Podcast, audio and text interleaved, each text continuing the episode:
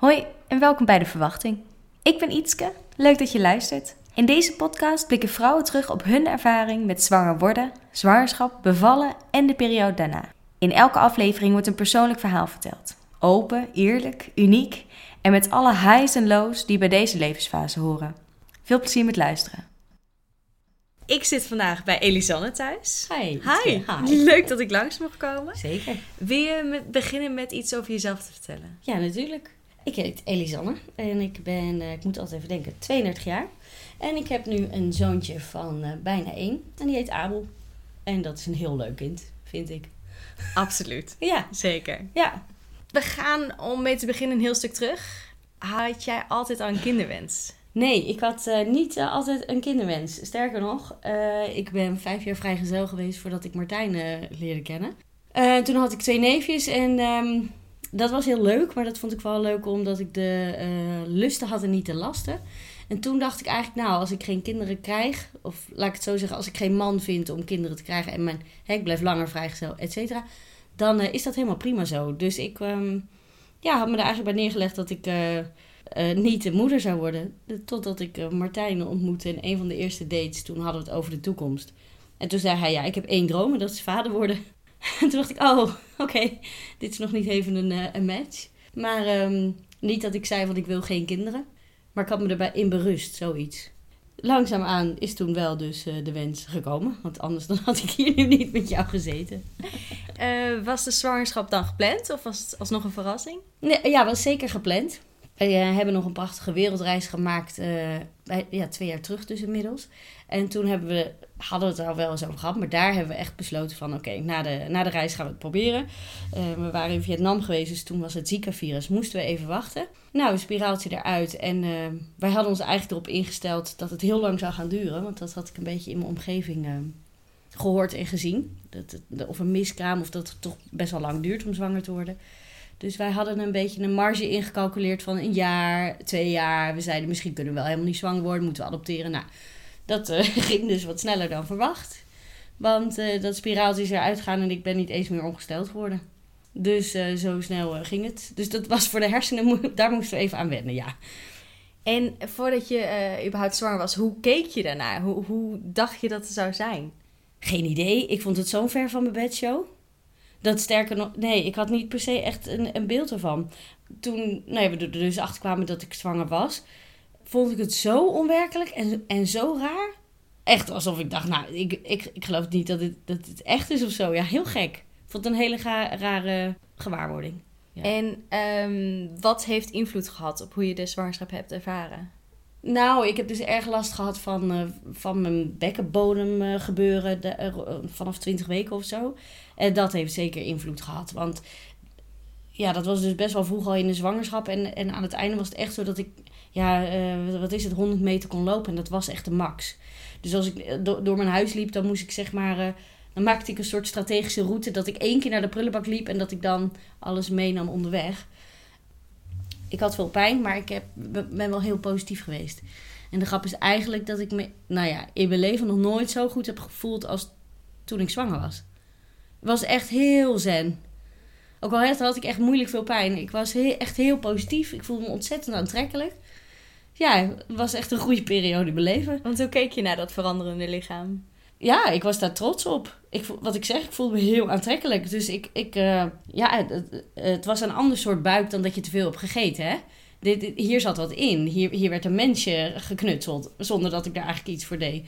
Dus ja, ik was, ik, ik was daar trots op. Fijn, lekker. En hoe bereidde je voor op de bevalling?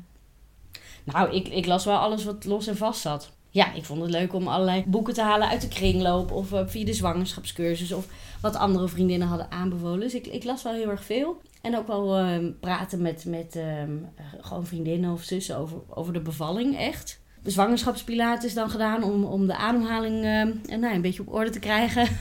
en daar een beetje zen in te worden. En een zwangerschapscursus om echt te, te horen hoe, hoe gaat dat nou in zijn werk. Dus ja, ik heb wel veel gedaan. Ook met mijn moeder gepraat trouwens, vond ik ook leuk. Om te vragen hoe, hoe zij haar bevallingen had ervaren, hoe wij als kinderen waren. Ja, ga je even weer terug in de tijd. Ja, fijn.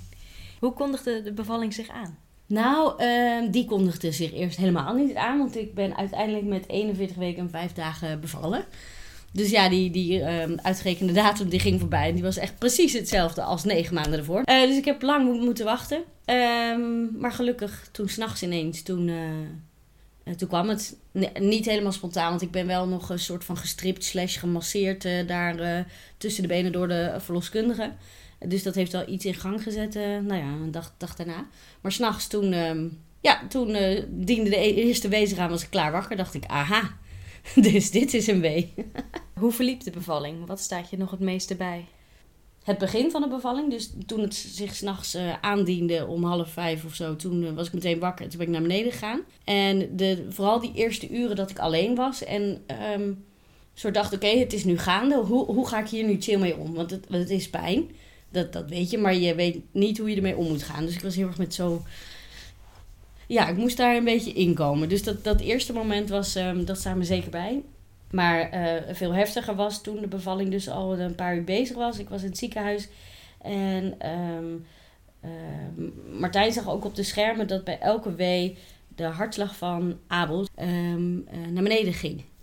En eh, hij zag ook allemaal gesmispeld tussen die gynaecologen en die doktoren. En ik zat daar gewoon echt te blazen als een, als een draakje. Eh, draak, draak, geen draakje. Echt een draak. ja, to- toen was er wel...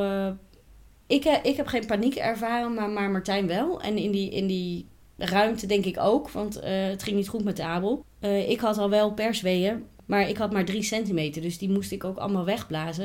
En het was eigenlijk heel raar dat ik al persweeën had, terwijl ja, ik zat nog lang niet op 10 centimeter. En hoe lang was je toen bezig? Poeh, Sinds- eh, mm, Vanaf de eerste week? denk om, om vijf uur begonnen, half vijf s'nachts begon het dus of zo. En ik denk dat dit rond een uur of één was. Dus ja, ik weet niet. Al wel, hij was, het was al wel fors bezig. En het was ook echt in enorme kracht. Nou ja, en toen, toen was op een gegeven moment, het, eh, kwam de gynaecoloog erbij en die gaf aan, we weten niet zeker eh, eh, of het goed gaat met Abel. We kunnen zijn, niet zien of hij zuurstoftekort heeft. Kortom, we adviseren nu een keizersnee en dat wordt een spoedkeizersnee. En de operatiekamer staat klaar en je kunt nu gaan. En dat was natuurlijk een, een, een omschakeling. Had je een keuze voor je gevoel? Ik had zeker een keus. Ja, want het was hun, hun advies. Ik vond het ook echt een ontzettend fijn ziekenhuis. Het WKZ, even reclame.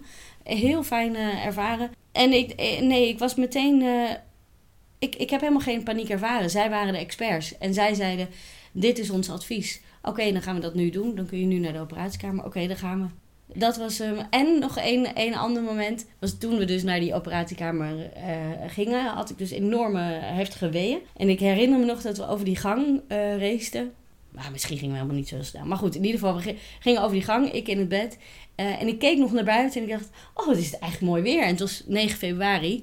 Eh, het was hartstikke grauw en ja, winter. Maar dat, was, dat staat nog zo'n moment. Oh, het is een prachtige dag.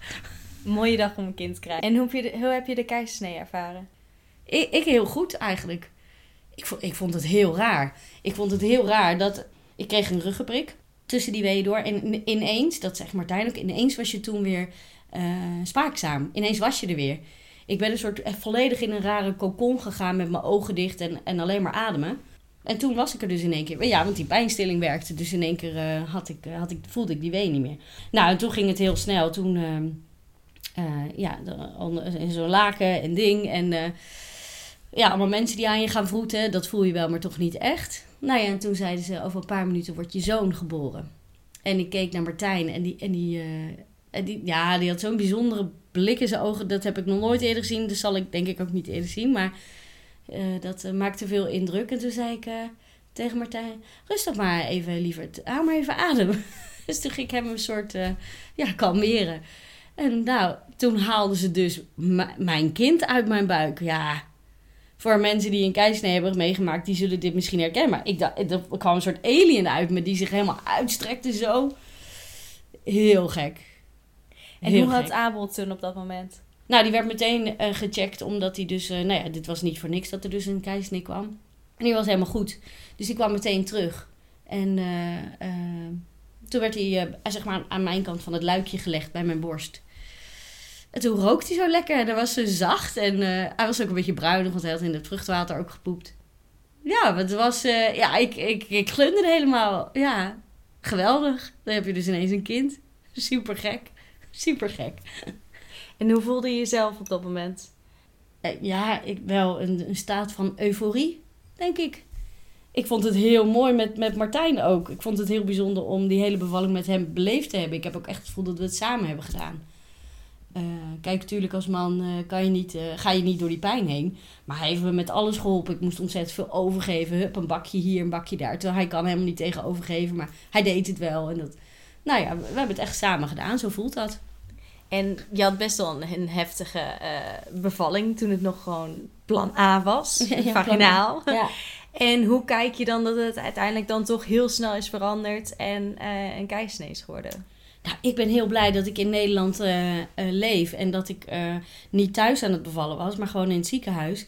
Want anders had het heel verkeerd af kunnen lopen. Dus ik ben heel blij dat ik een keisnee heb gehad, want daardoor is Abel gezond ter wereld gebracht. Maar ik, ik kijk er heel goed op terug. Nee, plezier zou helemaal het verkeerde woord zijn, maar uh, wel met een um, prettig gevoel op die bevalling terug. Ik heb heel erg voor hem gevochten, zo voelt het. Hè, al die weeën heb ik allemaal uh, moeten doorstaan en weggeblazen. En dat heb ik goed gedaan. Heb ik, e-, vind, ben ik echt heel trots op mezelf. Ja, uh, het is via een andere route eruit gegaan en dat is maar zo.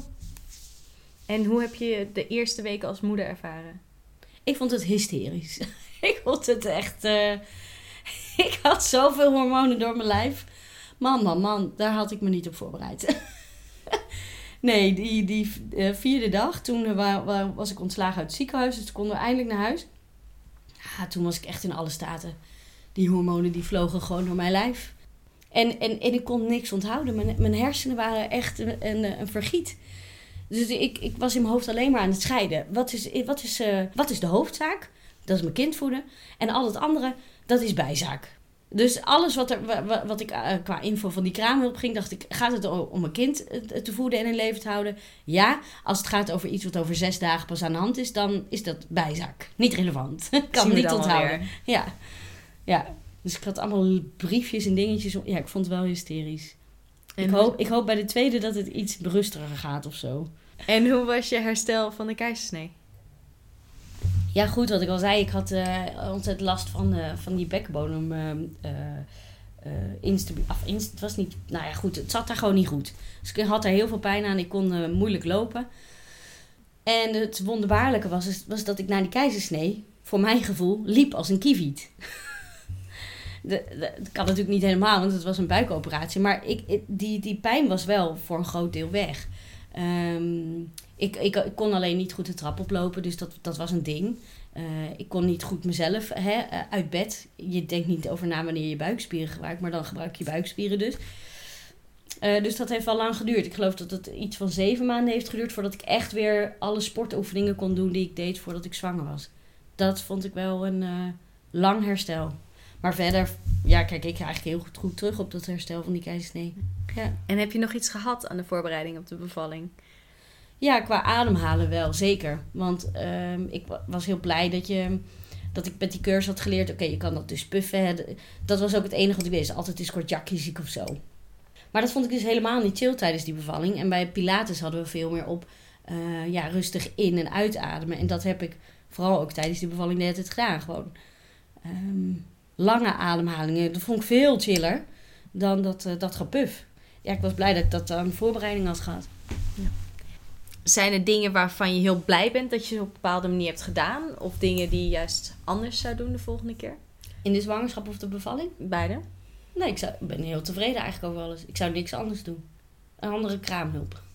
Ja, dat matcht niet zo goed. Nee.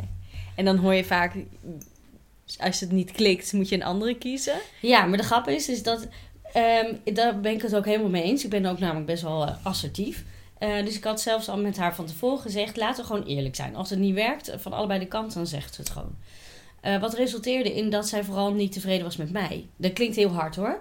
Ik denk dat als je het haar zou vragen, zou ze het niet zo hard stellen. Maar zo heb ik dat wel ervaren. Ja, dat ze mij, ze, ze vond mij te intens. Dat snap ik. want ik, ik, ik was ontzettend hormonaal.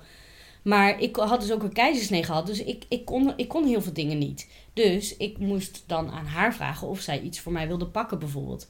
Ehm, nou ja, toen had ze aangegeven dat ze me dus eigenlijk te intens vond. En ze had eigenlijk allerlei informatie gezegd over de verloskundige. Die was hier langs geweest en toen had ze die uitgelaten bij de deur. En had die verloskundige gezegd, nou, dat is ook wel een type, hè, die uh, kraamvrouw. Nou, dat heeft ze allemaal tegen mij gezegd. En daardoor voelde ik me helemaal alsof ik niet mezelf mocht zijn in mijn eigen huis. Dus ik was ook heel erg bezig met hoe ik, ja, hoe ik rustig tegenover haar moest zijn. Zo. Dus nou ja, dan, achteraf heb ik daar een beetje een nare smaak aan overgehouden. Dus dat zou ik anders doen. Ik zou Ja. niet meer haar, haar willen. Nee, snap ik. Heel begrijpelijk. Dat is niet de bedoeling van een kraamhulp. om Nee, je zo te kijk laten ik daarom, daar, ja. Nee, wat vervelend. Maar verder zou ik alles precies hetzelfde doen zoals het ging. Ja. En kijk je nu anders naar jezelf dan voor je, voordat je zwanger werd? Eh, ja, nou, nou, dit is eigenlijk heel grappig. Ehm, ik zat heel erg te worstelen met dat ik de afgelopen maanden dat ik, dat ik mij niet primair moeder voel. Dat ik dacht, nou, dat, dat, klopt, dat klopt niet. Of waarom voel ik dat niet? Maar ik voel, voel heel erg van, ik ben Elisanne en ik heb een kind. Dan ben ik dus automatisch moeder, dat snap ik. Maar dat is dus niet... Ik ben gewoon niet de hele tijd een moederrol. Net zoals dat je niet de hele tijd een collega bent. Snap je? Dus ik ben gewoon Elisanne en ik heb een kind. Zo voelt dat. Ehm, alleen voordat ik natuurlijk zwanger werd... Of nee, überhaupt voordat, voordat Abel kwam. Ook tijdens mijn zwangerschap. Maar toen had ik gewoon superveel vrijheid. Ik kon alles doen wat ik wilde. En... ehm, Weet je, Martijn en ik eh, hebben allebei een sociaal leven. Dus we konden gewoon weg wanneer we wilden. En sporten om en om of tegelijk, maakt het allemaal niet uit. En dat, daar, daar worstel ik wel mee. Dat dat, ehm, weet je, je bent veel vaker thuis. Want Abel is gewoon hier thuis. En ehm, we moeten steeds dingen op elkaar afstemmen. Dus als ik een sportavond heb en hij plant er ineens wat overheen. Ja, dat gaat niet. Want wie is er dan bij Abel? Dus ja, dat is waar ik mee worstel. Op het moment. Ik wil eigenlijk niet dat mijn leven zeg maar zo per dag zo eh, gedomineerd wordt door het schema van Abel. Maar ik, ik, ik, ik, moet, ik moet soms. En de, ik- de- ik, ja, dat vind ik een. Ik, ik merk al als ik het zeg maar aan het praten ben dat dat eh, zo zit. Ik, ik, ik kan er niet een balans in vinden of zo. Ja. Ja, dat vind ik moeilijk irritant. En daar, en daar heb ik alleen mezelf mee. Snap je? Ik, eh, ik, het is fi- fijn voor mezelf als ik daar iets, iets flexibeler of iets relaxter mee omga. Want anders dan... Weet je, dat ik gewoon denk... Wow, oké, ik heb kunnen sporten vanochtend. Wow, yeah. Oké, nou wees daar, daar dan blij mee. En al die andere dingen, ja, dat, dat is dan maar zo dat dat niet kan. Nog Wat je zegt, even nog te zoeken naar de juiste balans. Dat het ook voor jou werkt. Ja. Om, om het zo te doen. Het is allemaal niet niks. Hoe is dat toen gegaan? Was het gelijk al dat je last had van eh, het schema of het, het ritme van zo'n baby? Ja, en het, dat komt gewoon door die borstvoedingstijd. Weet je, dan moet je om die drie uur moet je gaan voeden. En bij mij duurde dat voeden dan één uur, dus dan had ik twee uur ertussen. Ah, en ik voelde gewoon, ja, dat voelde voor mij alsof ik klem zat. Ik kan dat niet zo heel goed uitleggen, maar alsof er een soort van ketting aan me zat.